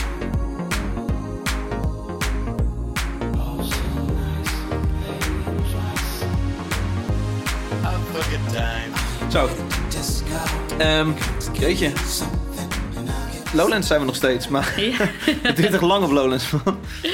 Zullen we Lowlands afronden? ja, is goed. Oké, band, kleedkamer, kleedkamer leuk, grill, opruimen, band dronken, jij buscall, en dan hup, weg. Ja. Ja. Dat is, is dat, vat ik het goed samen? Ja, ja, ja zeker. Ja. ja, op een gegeven moment eh, zit alles in de bus. En dan, eh, ja, Plato stand. Precies. Ja, signeersessies die anderhalf uur duren. Waarbij je moeier wordt dan eh, de show zelf. Ja, ja, Ja, die rijen die houden niet op. ja dat is echt, eh, wordt nog wel eens onderschat hoor. Dat soort, hebt eh, ja, ik heb al- die, ehm die signeersessies, dat is best wel een heftig dingetje. Nee, je glimlach elke keer weer opschroeven. Ja. Ja, Elke- je dankbaarheid terwijl je eigenlijk helemaal naar de kloten bent. Ja, Ja, en ze duren lang en je wilt iedereen dezelfde aandacht geven, want dat verdient iedereen ook, weet je wel. Het is niet zo dat eh, bij de zesde dat je, dat je minder aardig, eh, dat wil je ook niet, weet je wel. nee. En ehm, ik moet zeggen dat dat ligt er een beetje aan met welke artiest ik ben, maar eh, en wat ook de wens is. Ehm, daarin hebben we bijvoorbeeld wel weer codewoorden. Bijvoorbeeld dat er een bepaalde blik is die Glenn kan geven. En dan Dat weet iemand ik iets dat te lang duurt. ja, dat ik in kan stappen en eh, zo, eh, zullen we nog een foto maken? Oh, ja, ja. wel? En dat je Wat leuk dat je die, die positie hebt. Nou ja, je kunt gewoon wat dat betreft, en dat is ook wel, wel le- of leuk, althans, ik heb ook wel geleerd dat het best oké is om de boeman af en toe te zijn. Ja. En, eh, want uiteindelijk, het moet nooit aan hem liggen, weet je wel. Nee. Eh, en dat wil hij ook niet. Maar ja, er is wel een moment waarop het lichtje uitgaat en er gewoon eh, keuzes spelen we toch met z'n allen. Ja, Wow, hier is een artiest, die staat op een podium. Hè, Ja. en dan, die is altijd aardig. En, maar die heeft mensen om zich heen. Die betaalt om dat soms ook niet aardig te zijn. En ja. dit is echt wel, het is wel vreemd als je er even een beetje over nadenkt. Ja, eh, ja. Nou, dat is niet dat je daar iets mee hoeft hoor. Maar... Nee, ik, nou, ik, ik ben het even tot me aan laten komen wat ik daarvan vind. Ehm, ja, Ja, dat is wat we doen. nou ja, nou, nou ben ik sowieso niet zo van, eh, dus we, do- we doen het, dus het is goed of zo. Maar ehm, het is wel een manier om ervoor te zorgen dat die muziek kan blijven geven, weet je Ja. wel? Ik bedoel, het is vaak, eh, mensen willen heel veel en eh, er gebeurt ook heel veel rondom een artiest. En ja, als, jij, als je dus mensen om je heen kunt verzamelen die ervoor zorgen dat je het en langer volhoudt, leuker vindt en eh, je werk kan blijven doen, Ja. ja, dan is dat het denk ik wel waard. En uiteindelijk is dat ook weer, komt dat weer terug bij het publiek, die weer meer van een artiest kan, kan krijgen, weet je wel. Ja. Dus ik denk niet, het is misschien een gek systeem, maar eh, ik denk dat het er wel voor zorgt dat alle partijen met een, eh, een, eh, een blij hoofd naar huis kunnen, Ja. weet je wel. Hey, je hebt een chef special tatoeage op je onderarm. Dan denk ik dat die niet vanuit een soort fangirl eh, ding is gezet. Word je automatisch vrienden met, met de band waar je mee werkt? Ja, nou, in het geval van Chef Special was het zo dat ik echt, ik begon echt als fangirl. Oh, Ja. oh dat is niet. ik nou ja, fangirl. Ehm, ik weet nog dat ik, ik woonde in Delft en eh, ik was al bezig met wat dingetjes organiseren en eh, kleine open, open podiumavonden en zo. En toen kwam er een gast naar mij toe en die zei: Ja, we doen op het jazzfestival willen we een jongerenpodium en wil je dan eh, wil je ons daar, wil je een team met ons starten om dat te doen? Toen Ja. was ik echt 16 of zo, 15, 16. En dat ben ik toen gaan doen. En het eerste bandje wat we boekten daar was Chef Special. Ja. En dat was echt nog in de tijd dat ze dat Volkswagen busje hadden, wat half uit elkaar viel. En, en ik weet nog heel goed, ehm, we kregen op een gegeven moment een bericht van hun dat ze later zouden zijn. Mhm. En, eh, maar zij hadden dus al op achter in het busje voor een groot deel opgebouwd. Dus ze kwamen echt op het plein aanrijden, bus naast het podium. En, ehm, en toen was er tijdens de show, ging Josh, ging, eh, de zanger van uh, Chef Special, die ging breakdansen. Dat deed hij vroeger nog heel veel. en, ehm, en ik kan me herinneren dat ik daar stond en dat ik dacht... Wat gebeurt hier, joh? Wat, wat, wie zijn deze, deze gasten, weet je wel? En ik vond muziek heel tof, maar ik had er nooit... Ik had helemaal niet specifieke dingen waar ik naar luisterde of fan van was. Ik ging niet Mhm. naar concerten. En toen heb ik die manager aangesproken, Paul. eh, die was er toen al wel bij. En gezegd, nou, als je ooit iemand nodig hebt... dan moet je maar eventjes eh, bellen. En eh, dat duurde uiteindelijk twee jaar. en ik ben ze dus in die twee jaar elke keer blijven volgen, bij elke show geweest, meehelpen inladen en eh, gewoon mezelf redelijk Jij opgedrongen. was daar je, je was Ik gewoon was bezoeker en je ging gewoon helpen inladen. Ja, ik ging gewoon een praatje maken. En heb je terwijl dat weer, deden, ja, ja, maar de, ik denk dat, volgens mij, ik heb het wel eens met ze over gehad. Volgens mij is het een soort van tweeledig geweest. Enerzijds, jezus, daar heb je er weer. En anderzijds, oh, daar heb je er weer of zo. Ik weet niet, dus wel... En het was ook wel, het, het- uiteindelijk was ik dus ook de enige logische persoon die ze konden bedenken die, eh, die bij hun ging werken. Dus, en zo zijn we uiteindelijk begonnen. En dan begin je gewoon op een heel ander ja, level met elkaar. Ja. En, eh, en ik denk dat vrienden is een groot woord, weet je wel. Maar ik denk dat je wel bevriend raakt met iedereen waarmee je, met iedereen waarmee je werkt, weet Ja. je wel. Ik heb eigenlijk volgens mij nog helemaal niemand ontmoet waarvan ik denk... nou, met jou zou ik niet eh, een kopje koffie kunnen doen of zo. Nee. Of eh, Nee, precies. dit is puur eh, werkgerelateerd of zo. Dat, ja. ja, er zit wel meer achter. Wat is het gekste wat jij ooit hebt moeten doen om een concert goed te laten verlopen? Om te zorgen dat hij doorgaat? Het gekste. Eh, jeetje zeg. Om goed te laten verlopen. Nou ja, niet hele, ik heb niet echt hele gekke dingen denk ik moeten doen. Wel een soort van midden in de show iets moeten vasthouden omdat je het gewoon niet, omdat het niet meer werkt en je kunt het niet meer vast. Drum, de gedeelte Ja, met drums of zo. Of eh, een microfoon die maar eh, blijft omkletteren. En dat ondertussen iemand iets aan het zoeken is en jij als statief fungeert. Ja. Ehm, of dat eh, ja, die in-ear, eh, zo'n beltpackje het niet doet. En dat je zit te hannessen terwijl Glenn van links naar rechts op het podium loopt. En jij er achteraan huppelt of zo. Dat soort dingen zijn wel... Maar gekke dingen heb ik niet... Nee, heb ik eigenlijk niet Ik echt... heb wel moeten- hele lijpe ruzies gehad. Van, jij moet echt nu oprotten, want anders gaat die show niet door. Of... Eh, nee, nou wel eens publieksruzies of zo. Weet je wel, dat je tij- tijdens een show dat je naar het publiek zit te kijken en denkt... Oh, dit begint een beetje de verkeerde kant Ja? op te gaan of zo. Ja. Ehm, Daar kun je ook niet zoveel mee doen, denk ik. nee, dan is het eh, ja, vooral... eh, maar je ziet dat het de artiest dan afleidt, weet je wel. Dus die begint naar mij te kijken van, dat gaat helemaal niet goed. En dan moet je wel eh, gaan ingrijpen, althans met beveiliging. Maar ook wel, ja, misschien... Ik heb wel één hele heftige discussie met een huisfotograaf gehad. Mhm. Ehm, eigenlijk heb ik inmiddels een beetje de, de, of de regel dat als ze, als ze zich netjes komen voorstellen bij mij, dan weet ik eigenlijk dat het goede fotografen zijn. Dus. En dan heb ik het letterlijk over hoe goed de foto gaat zijn, zeg maar. Ehm, en als ze zich niet komen voorstellen en ze, ze gaan achter een doekje, eh, proberen ze een paar foto's te schieten. En vooral als ze er heel lang over doen, kan ik er eigenlijk 99% zeker van zijn dat Het is er heel weinig... als ze zich eh, netjes aan jou voorkomen stellen, ja, En als ze de kort foto zijn, ook ja. beter. ja, het, en als ze ehm, kort, klein zijn. Nee, niet kort van de lengte. Nee, Nee, als ze snel kunnen Als ze schieten. snel schieten, ja. Ja. Want eh, kijk, en, en dat heeft ook te maken met een, een zekere fotograaf die het regelmatig doet. Nou, Die jij een Bart positie. Of, Of, eh, ja, precies. Die kijken. achter de drummer een shot. Precies, die Ja. kijken, die lopen zo'n podium op. Die gaan eerst kijken, die draaien hun fotocamera eerst even weg. Weet je wel, die gaan kijken wat zou nou een mooie shot zijn. Die kijken echt naar wat voor soort band is dit, hoe staan wat doet ze. het licht? Precies, staat het publiek voornamelijk links, rechts, vanaf welke kant wil ik dat schieten? Eh, oh, die drummer heeft iets geks aan, daar wil ik eigenlijk iets Mhm. mee of zo. Die hebben een plan voordat ze dat gaan doen, weet je wel? En, en dat verschilt. En dan komen ze dus naar me toe. En ze hebben dus ook een bepaald soort respect voor de show die gedraaid wordt. En dat Ja. ze daar een, een storefactor in zouden kunnen zijn.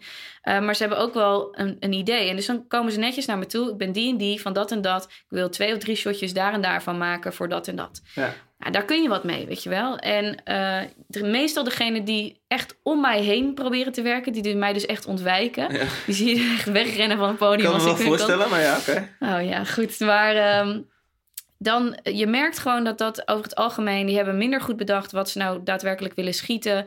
Eh, ze willen er gewoon deel van zijn. Ze willen zoveel mogelijk kansen. Ehm, en je, je merkt gewoon dat dat levert gewoon vaak minder goede foto's op. Ja. Nou is dat op zich niet zo erg als dat bijvoorbeeld eh, de lokale of de huisfotograaf is van het festival en ze willen in hun nieuwsbrief of voor het volgende jaar daar foto's van. Dan, ehm, maar de, waar de discussie dan ontstaat, is dat ik van ze vraag of ze het kort willen houden en of ze max twee posities willen Ja. kiezen.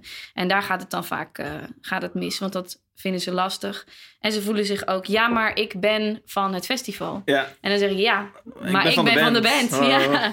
En eh, dus dat, is, eh, dat zijn van die... eh, inmiddels ga ik de discussie minder goed aan. Als ik, en soms heb ik er ook geen tijd voor. En dan als ik een stage manager heb waarmee ik al afspraken heb gemaakt... dan roep ik eigenlijk altijd de stage manager bij. Ja, en dan is zeg afhandelen. ik, dit, ja, dit is jouw pakje aan. ja. Ja. Holy shit. ik ben een beetje bang voor jou nu. Nee, nee, nee. doe je alsof ik echt zo'n zo'n eh, zo'n hele heftige... Maar dat- nee, maar ja. dit, het klinkt volkomen logisch. Ja. Wel. Maar nu hebben we het ook natuurlijk ook over, elke keer over momenten waarin ik onwijs aan het ingrijpen ben en zo. Mm. Dus dat is, dit zijn ook. eh, Laten we even voorbeelden. vanuit gaan dat 9 van de 10 keer dit allemaal niet nodig is. Nee, Dat precies. gewoon Dat is ook zo. goed afgetikt hebt. Ja, dus eh, ja, als je mij continu ziet lachen, dan eh, is er natuurlijk helemaal Nee, weinig aan de hand. Ja. Hey, jij, jij, geeft, jij geeft les in dit soort dingen? Of jij Mhm. coacht in dit soort dingen? Get your act together. Is jouw bedrijfje naast, naast je toolmanagement? ja, Eh, wat, wat doe je? Ik zag op je website staan eh, coaching van muziekindustrie professionals en amateurs. Ja, ja dus het komt een beetje voort uit dat ik... Ik heb natuurlijk bij Chef Special ook op management eh, gewerkt... en eh, me echt eh, gespecialiseerd in branding, communicatie en social media. Ja? Ehm, en ik merkte gewoon dat ik steeds vaker op opleidingen teruggevraagd werd... voor eh, of over tourmanagement te praten, of over social media, Ja. of over branding. En eh, op een gegeven moment had ik zoiets van... ja, ik wil daar gewoon meer mee kunnen doen. En ook de eindeloze vraag, kan ik een dag met je meelopen? Ja, dat kan niet eh, altijd. Nee. En, eh, en zeker bijvoorbeeld bij een club als Typhoon... als ik elke keer iemand nieuw meeneem... ja, het is al een hele grote club. Dus, en het, het, eh, ik moet ook gewoon mijn werk kunnen blijven doen. Dus ik zocht naar een manier om daar dan... ja, om dat toch... want ik vind die kennisoverdracht vind ik heel belangrijk. En ook als ik dan dat 15-jarige meisje zie staan... wat met glinsterende oogjes mij staat aan te kijken... van ik wil doen wat jij doet... dan denk ik, laat me je zien. Ik, ik laat je zien, weet je wel. Ja. Dit zijn de... Dus ehm, daar is Get Your Act Together uit ontstaan. Om eens een plek te hebben waar ik dus masterclasses of workshops of lezingen of coaching kan doen. Ja. En eh, dat is ontzettend leuk, want ik merk ook, ik heb dan één op één gesprekken, consults eh, die je kunt boeken van anderhalf uur. En dat gaat dan in eerste instantie heb ik ze weggezet voor social media.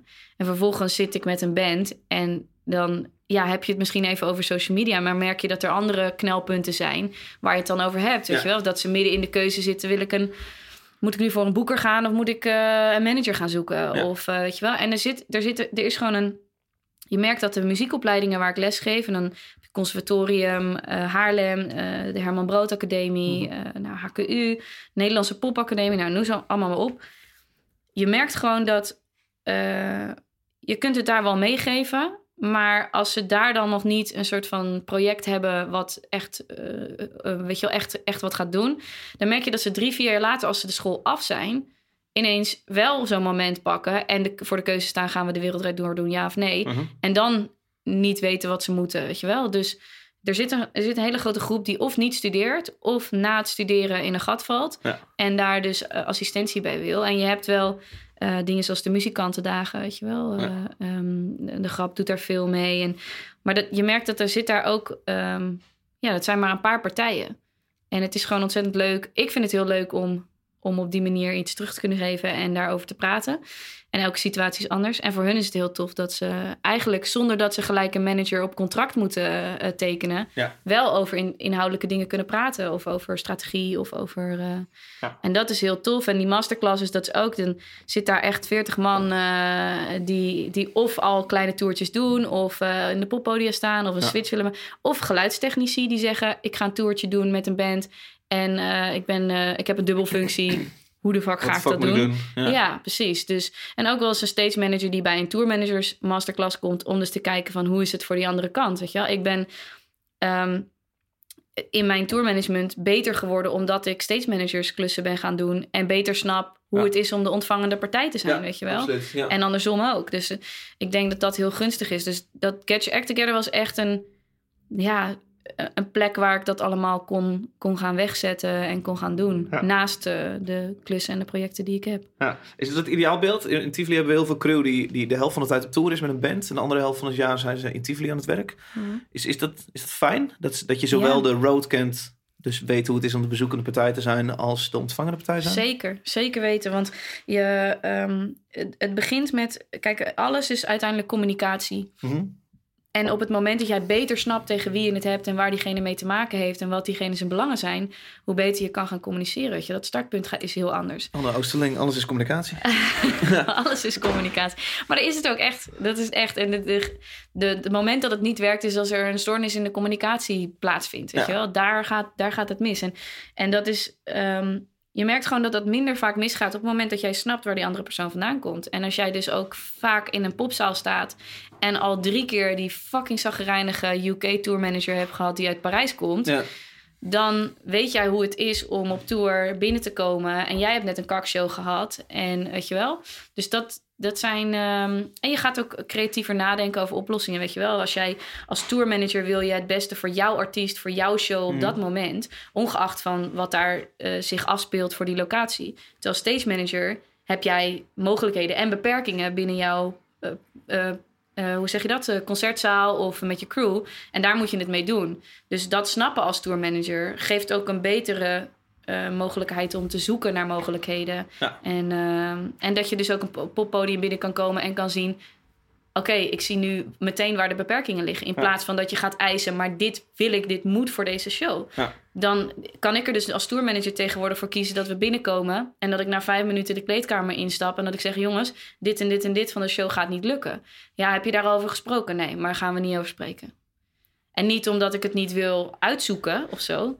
Maar gewoon omdat, ja, je, je pick your battles, weet je wel. En Ja. je ziet gewoon sneller waar het staat en hoe lang dingen gaan duren en of dat dan waard is, weet je wel. Ja. Dus voordat je die discussie met zo'n stage manager aangaat, kun je al veel meer weten op basis van je eigen ervaring. Weet je? wel. Dus ja, dat heeft zeker, zeker nut om eh, die beide, beide facetten een keer te gehad te hebben. Ik hou mijn hart vast met jou in mijn armen. Je bent een charmeur, je houdt de deur voor me open en schuift mijn stoel aan. Ik mag jouw jas aan. Wanneer het regent, je voelt als een warme deken. Zo eentje waar je niet onder vandaan wil. En dan bedenk ik me, dan bedenk ik me. Dat ik al veel te lang wakker lig. Buiten is het al lang licht. Ik schraap alle moed bij elkaar. Maar blijf daar. Al veel te lang wakker ligt. Buiten is het al lang licht. Ik schraap alle moed bij elkaar. Maar blijf daar. Ik voel mijn hartslag met jou tegen me aan. Het is niet te weerstaan. Je neemt mijn jas aan en schenkt mijn glas in en houdt mijn hand vast. En ondertussen voel ik je als warme kussen. Ik hou mijn ogen dicht en mijn adem in. En dan bedenk ik me, dan bedenk ik me. Dat ik al veel te lang wakker lig. Buiten is het al lang licht. Ik schraap alle moed bij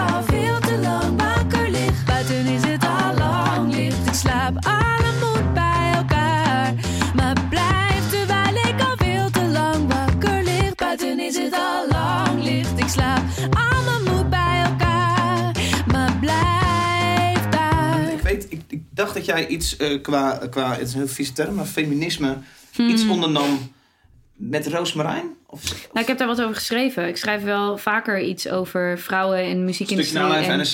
Ja, Ja, dus dat was toen eh eh Roosmarijn had iets gepost en vervolgens kwam Jinek aan, die vertelde waarom ze het jammer vond ehm, dat er zo weinig vrouwen bij haar aan tafel blijven zitten. Want ze, ze nodigt ze vaak genoeg uit, maar dan eh blijven ze niet zitten. En wat de reden daarvoor is. Hoe bedoel je, ze blijft niet zitten?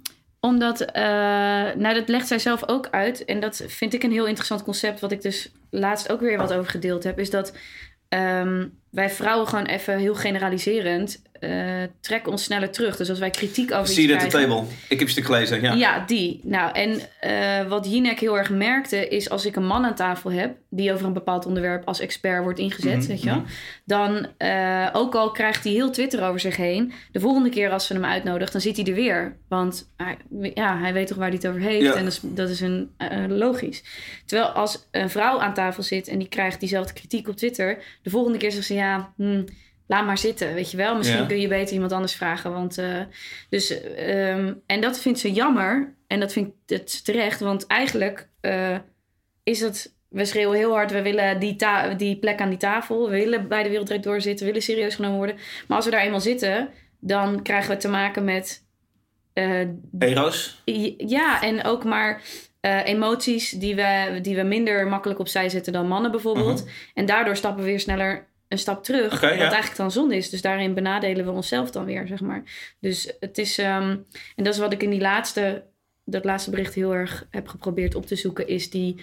ehm, het even niet te hebben over... ehm, de standaard feministische onderwerpen, maar is kritisch te zijn naar hoe komt het nou dat wij eh, die plek niet of niet weten te bemachtigen of niet vast kunnen houden. En ik merk zelf dat, en zeker nu dat ik zwanger ben en met hormonen en eh, hoe dat werkt en hoe, hoe sterk we genetisch eigenlijk ingericht zijn. Ja. En dat het soms heel moeilijk is om dat te doorbreken. En ook de vraag moet zijn, wil je dat, weet je wel? En dat bijvoorbeeld eh, dat de seat at the table gaat heel erg over dat mijn vriend terecht zegt... ja, je moet niet zomaar een plek krijgen aan tafel omdat je een vrouw bent. Mhm. Maar hoe dichter ik kom bij wat zijn nou de, de kenmerken en de krachten van een vrouw bijvoorbeeld, heel generaliserend, dan is het misschien wel nodig dat we die plek krijgen, omdat het niet in onze natuur zit om, die, om daarvoor te vechten of zo, snap je? Ja, maar dan zeg je eigenlijk een soort van rolmodellen die opstaan. Ehm, waardoor de jonge meisjes ook kijken en zeggen van... hé, hey, hier kan ik me dus blijkbaar in ontwikkelen. Ja. Twintig jaar ben ik het die daar zit. Hm. Of interpreteer ik dat nu naar mijn eigen... Nee, dat, maar dat is sowieso nodig, denk Mhm. ik. Ik denk dat het voor mij alweer heel anders is dan voor een volgende generatie. Ik heb een heleboel eh, meiden die naar mij toe komen die zeggen... ik ben tourmanager geworden omdat ik zag dat het kon. Ja, Weet je wel, Ja. als, als meisje. Dus ehm, dat heb je sowieso nodig. Maar er zijn ook dingen die eh, ik als vrouw eh, als lastiger ervaar op de werkvloer. Waarvan het dus soms goed is dat, daar, dat je je niet zo op hoeft te stellen als een man. nee. Weet je wel? Dus soms zijn er dingen dat ik... Dan kom ik heel gefrustreerd thuis en denk ik... Moet ik nou echt, moet ik nou echt die, die, die, die mannelijke eigenschappen gaan overnemen... om die plek te Maar bemachtigen? zodra je ergens heel goed in wordt en heel veel expertise opbouwt... dan hoef je deze discussie toch wel helemaal niet meer te voeren. Het is, vandaag, Minder. Voor vandaag is, was er bij mij niet zoveel discussie... welke toolmanager ik graag achter mijn podcastmicrofoon zou willen hebben. Ik wou namelijk Anna hebben... Want die heeft mij een keer van het podium afgestuurd in de ronde. dat vond ik fucking cool. Ik dacht, dat is een goede toolmanager. Ja. Eh, dus we zijn dit punt, in dit geval zijn we dit punt al voorbij. Ja. Ik, hoef, ik hoef niet, het is niet, oh ik heb een vrouw nodig in mijn podcast, dus ik, ik moet, oké, Anna, oh, die doet iets met de muziek. Ja. Dat is dat punt, zijn we in dit geval voorbij. Moeten we niet zorgen dat we op veel meer vlakken dat punt voorbij zijn? Ja, maar ik denk dat dat ook dat je niet moet vergeten dat jij eh, daar misschien al anders in staat dan Mhm. een oudere generatie. Ja. Dat jij, eh, jij bent al opgegroeid me- met vrouwen die al bepaalde posities hebben. En zeker als jij bijvoorbeeld als, dat merk ik ook, als jij als beginnende bent ergens binnenkomt en er staat een stage manager met flink wat ervaring, dat is een vrouw, Mhm. dan heb jij daar wat natuurlijker respect voor dan. Eh, dan dat je dat dus, je groeit anders op dan dat jij met alleen maar mannen Klopt. om je heen. Ja. Dus ook eh, bijvoorbeeld, ehm, als ik als vrouw ergens instap en het is altijd op een mannenmanier gegaan, dan ontstaat er frictie en dan is het lastig. Terwijl als ik een ruimte binnenstap bij mannen die gewend zijn om met Mhm. vrouwen te werken, dan is dat een hele andere, andere samenstelling of zo. En ik denk dat wat jij zegt is wel, is wel goed en dat zegt de Rosemarijn ook. Zit ik hier omdat ik een vrouw ben? Of Ja. zit ik hier omdat ik goed ben in iets? Weet je Maar beide gevallen zou niet zo heel erg zijn. En dat- klinkt een beetje kut naar Roosmarijn, maar je hebt wel... eh, het is niet voor niks dat bijvoorbeeld 3FM erover nadenkt. We moeten, we moeten zorgen dat we een goed bepaald aandeel vrouwen eh, op de zender hebben. Zowel als DJ's eh, als artiesten. Ja, omdat het een voorbeeldfunctie kan hebben voor jonge meisjes. Van, hey, kijk, vrouwen maken muziek. Vrouwen, ze kunnen DJ zijn. Ehm, let's go. We hoeven niet alleen maar dit of dat te studeren. Of Nee. we kunnen ook DJ worden. Ja, dat is ook precies waarom ik zeg... eh, eh, het is niet erg om af en toe die plek juist aan een vrouw te geven. Mhm. Ehm, Al snap je dan wel dat het scheve gezichten op kan... Ja, ik, eh, dat, en dat stel Dekken. ik ook in het laatste stuk. Dat, Bij mannen? ik- Even, ja. Nou, ja, precies dat. Dat ik, eh, ik zou me namelijk als man redelijk geparkeerd voelen Ja. als er een vrouw op die plek komt, terwijl jij zeker misschien wel capabeler bent Ja. eh, dan die vrouw. Ja. Dus eh, het brengt ook weer andere problemen met zich mee. En het helpt gewoon heel erg als je ergens goed in bent, dat je er, dat je er komt omdat je daar goed in bent. Maar dan moet dat stukje erkenning daar wel eerst kunnen zijn. En dat is er vaak, zeker in een bepaalde generatie, een stuk minder. Ik bedoel, ik kom.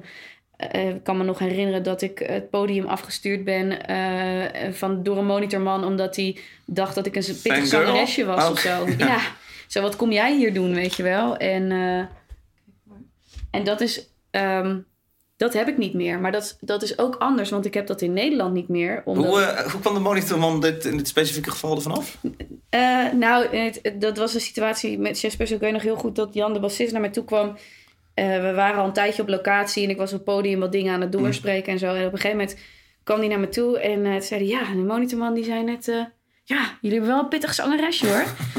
en die had gewoon helemaal niet door dat ik, dat ik de tourmanager was. En ehm, terwijl ik me wel zo had voorgesteld. Dus dat is ook... Hoe oud was de monitorman? Nou, de, Om even enigszins daar iets te zoeken. 55 plus, zoiets. Ja, ja.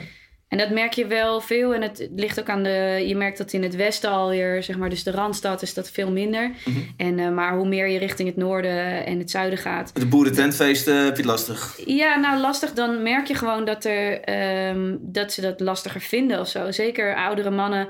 Eh, als ik een podium opkom en ik schud ze de hand en ik stel voor als tourmanager, dan gaan ze heel snel naar een bandlid of een geluidsman praten. Ehm, en dan Ja, kost het best wel wat moeite om dan duidelijk te maken: hé, hey, Ja. ja. je moet toch echt met mij doen. Ja. En eh, dat, ja, dat, ik, ehm, ik, ik snap dat ook wel, want het is niet zozeer dat ze iets per se tegen mij hebben. Mhm. Het is meer dat ze, denk ik, dat het meer om hun eigen positie gaat. En als je nooit gewend bent om met vrouwen, kijk, sowieso. eh een Dit vind ik in één gebied, want dit, kan een beetje, Ja. dit klinkt een beetje betuttelend ook naar mannen. Nee, ik bedoel juist dat. eh, ja, ik snap nu wat je bedoelt. Mhm. ik hoor hem nu ook. Ehm, eh, laat ik het anders zeggen. Kijk, ik spreek bijvoorbeeld in lange zinnen. En ik ben een vrij eh, ehm, eh, gevoelig persoon en sensitief en zo. Ja. En ik doe veel op basis van emotie. Mhm. En, en dat eh, mannen doen vaak meer dingen op logica. En op eh, we doen het zo of we hebben het al jaren zo gedaan. Ja. En zeker in die contraien is dat echt een ding. En zeker eh, is het, er worden korte, korte taal, klare taal. En dat is. Dus ik ben ook Je anders. maakt nu een onderscheid in karaktereigenschappen van mannen en vrouwen. Even een beetje... Heel ja, generaliserend. het mag van mij, mag ik bedoel, ja. het is echt even heel zwart-wit nu. ehm, dat ik het zo schets. Maar het is wel, dat zorgt er wel voor dat wij elkaar gewoon even niet begrijpen. Of zo. Weet je Mhm, wel? Dat, mhm. dat er gewoon een soort van communicatiestoornis ontstaat. Eh, ik heb echt moeten leren dat als ik bij bepaalde mannen bepaalde dingen gedaan wil krijgen of een goed gesprek wil voeren, dat ik mijn taal moet aanpassen. Of de manier dat lange zinnen of eh, redeneren op basis van emotie of eh, dat dat Mhm. niet zo goed werkt. Nee. Dus het is niet zozeer dat ik wil het niet doen afschetsen dat de man daarin dingen mist of niet, niet goed genoeg, maar het, het, het is anders. Dus je, je raakt in een soort van stoornis, eh, Ja. ja. of zo'n Iets wat in romantiek misschien heel leuk kan werken. ja, Maar wat misschien op de werkvloer even... Ja, wat je heel wat tof kan vinden aan een vrouw, van, eh, wa- wat je heel mooi kan vinden, kan je denk ik, als je samen wil werken, snap je elkaar niet. Sta je Nee. elkaar aan te kijken, wat wil je nou? Ja. En dat, is wel, dat zijn wel dingen die je tegenkomt. En dat heb ik wel moeten leren. En daarom vroeg, stel ik ook de vraag. Ik heb op een gegeven moment gedacht, ja, ik wil niet diezelfde houding moeten aannemen. Weet je wel, dat zou het verschil niet moeten Nee. maken. Want inhoudelijk hebben we het over hetzelfde. Weet Ja. wel? En dat is nog iets waarvan je merkt dat een jongere generatie dat makkelijker die zijn. eh, toch meer met vrouwen opgevoed, eh, praten makkelijker daarmee. eh, ja, dan, dan heb je die communicatiestoornis niet. Dus dan kun Nee. je het meer over de inhoud hebben. Ik, ik weet nog dat ik een gesprek had ook met eh, Katja Keersmakers, die Ja. bij Friendly Fire zit. Ja.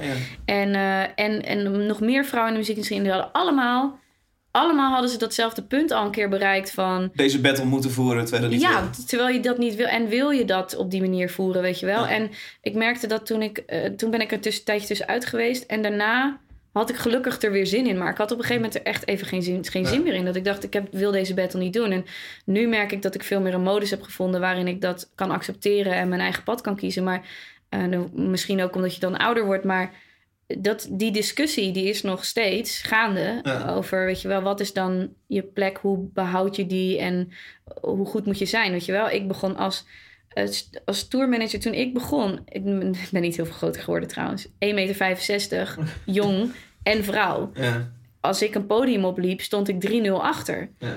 En dat is ook wel een dingetje waarvan ik... ehm, dan ga je snel schreeuwen.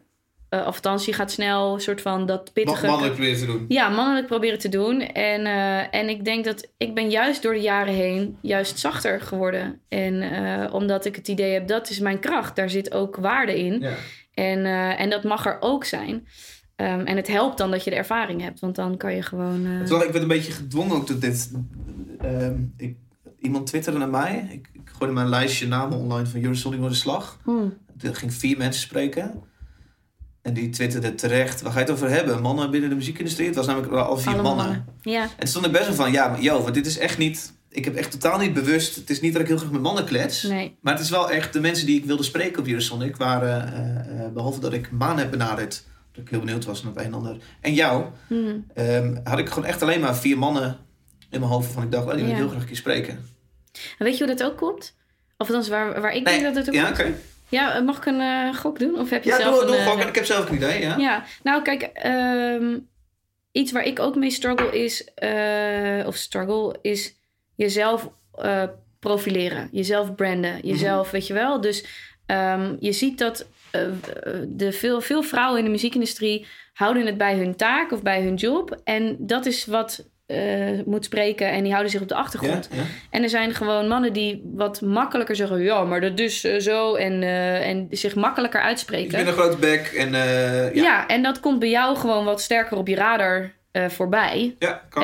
En waardoor je die mensen dus vaker ook in je hoofd opkomen. Terwijl ik bijvoorbeeld, en een van de redenen waarom ik nu veel gevraagd word, is omdat ik heel actief. Ja. Mensen zeggen ook altijd: ja, je, ik weet van alles van jou, want je bent heel actief op social media. Ja, dat is. Eh, niet per se heb ik dat altijd gedaan omdat ik dat per se altijd leuk vond. Mhm. Maar ook omdat ik me heel goed realiseerde dat dat even in iemands hoofd zitten en dit, de soort van die aandacht even hebben, dat dat belangrijk is. Dat dat mijn volgende Ja. klus kan En betekenen. dat is inderdaad deze podcast ook.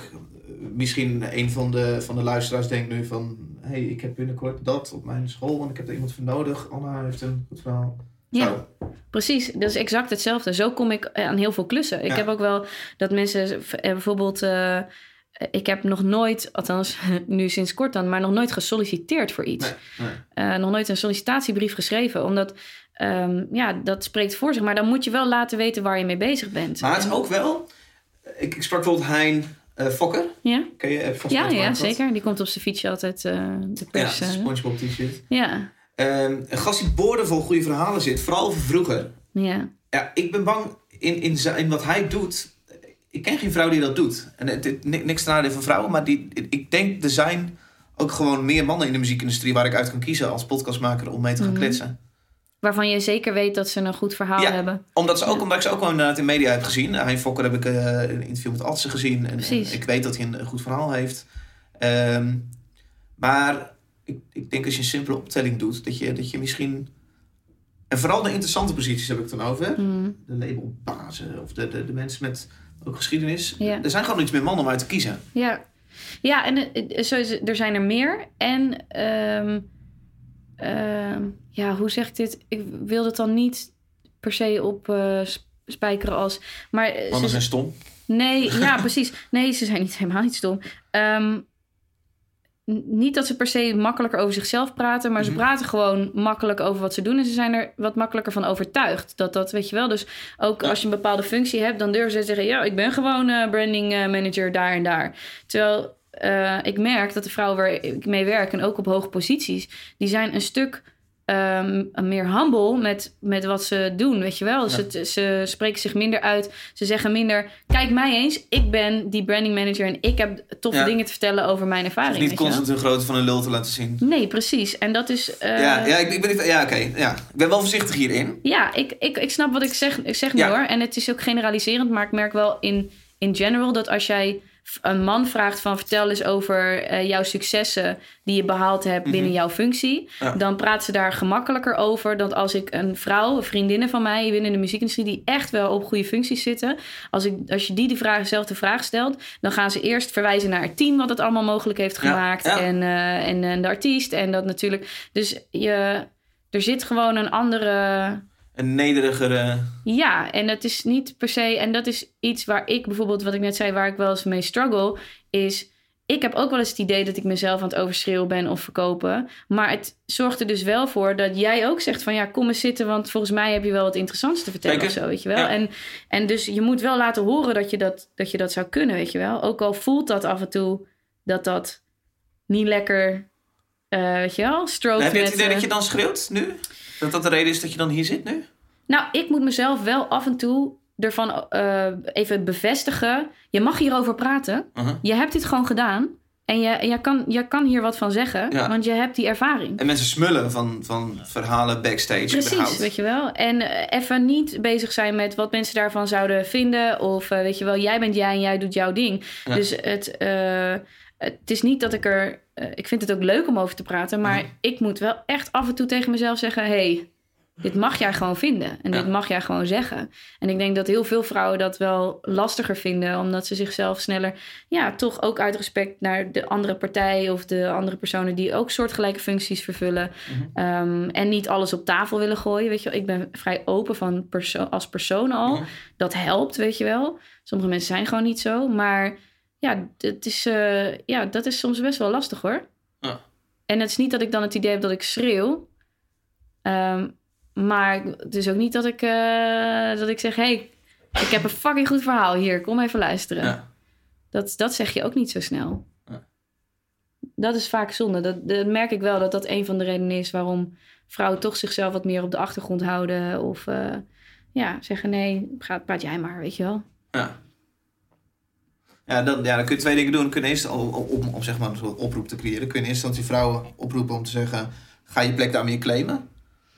Of je kan zeggen: eh, mannen, zorg dat er meer eh, vrouwen op rolmodelposities komen, zodat ook de nieuwe generatie ziet dat het allemaal mogelijk is. Ja. Is het een combinatie van die twee? Ik denk, ja, ik denk zeker een combinatie. Want ik bedoel, als wij als vrouw niet, eh, of als jonge meiden bijvoorbeeld, die dadelijk ook hun functie gaan pakken, niet dat aandurven, dan blijf je met hetzelfde probleem zitten. Kunnen we kansen krijgen wat we willen. Maar als jij keer op keer het idee hebt, er komt hier gewoon geen leuk gesprek uit, weet je wel. Ja. Of eh, ik krijg niet de informatie die ik nodig heb. Ja, dan houdt het een keer op. Dan kan je plekken blijven geven totdat je in ons weg. Dus er zit wel een balans in. Alleen, ik vind wel we moeten ook niet voorbij gaan aan wie we zijn, weet je wel. Dus als dat een plek is waar wij ons prettig eh, voelen en, eh, en dat, dan moet dat ook niet. Je moet het niet gaan opzoeken tegen natuurlijk of eh, weet je wel. Dus ik denk er zit zeker een balans in hoor. En ehm, ik denk dat het helpt zeker om af en toe wel eens een plek eraan aan een vrouw te geven waarvan je misschien twijfelt, maar wel zoiets hebt van hé, dat zou kunnen. Al is het alleen al om ze die zekerheid en dat, dat duwtje in de rug te geven van hé, hey, kom eens even praten, want volgens mij heb je echt wel wat te zeggen. En soms hebben we die bevestiging dan ook eventjes nodig. Kun je ook voorstellen dat er vrouwen zijn die niet op ballet hoeven en eh, of niet op voetbal hoeven en wel op ballet willen en wel tevreden zijn met eh, Ja. ehm, kinderen opvoeden? Eh, Zeker.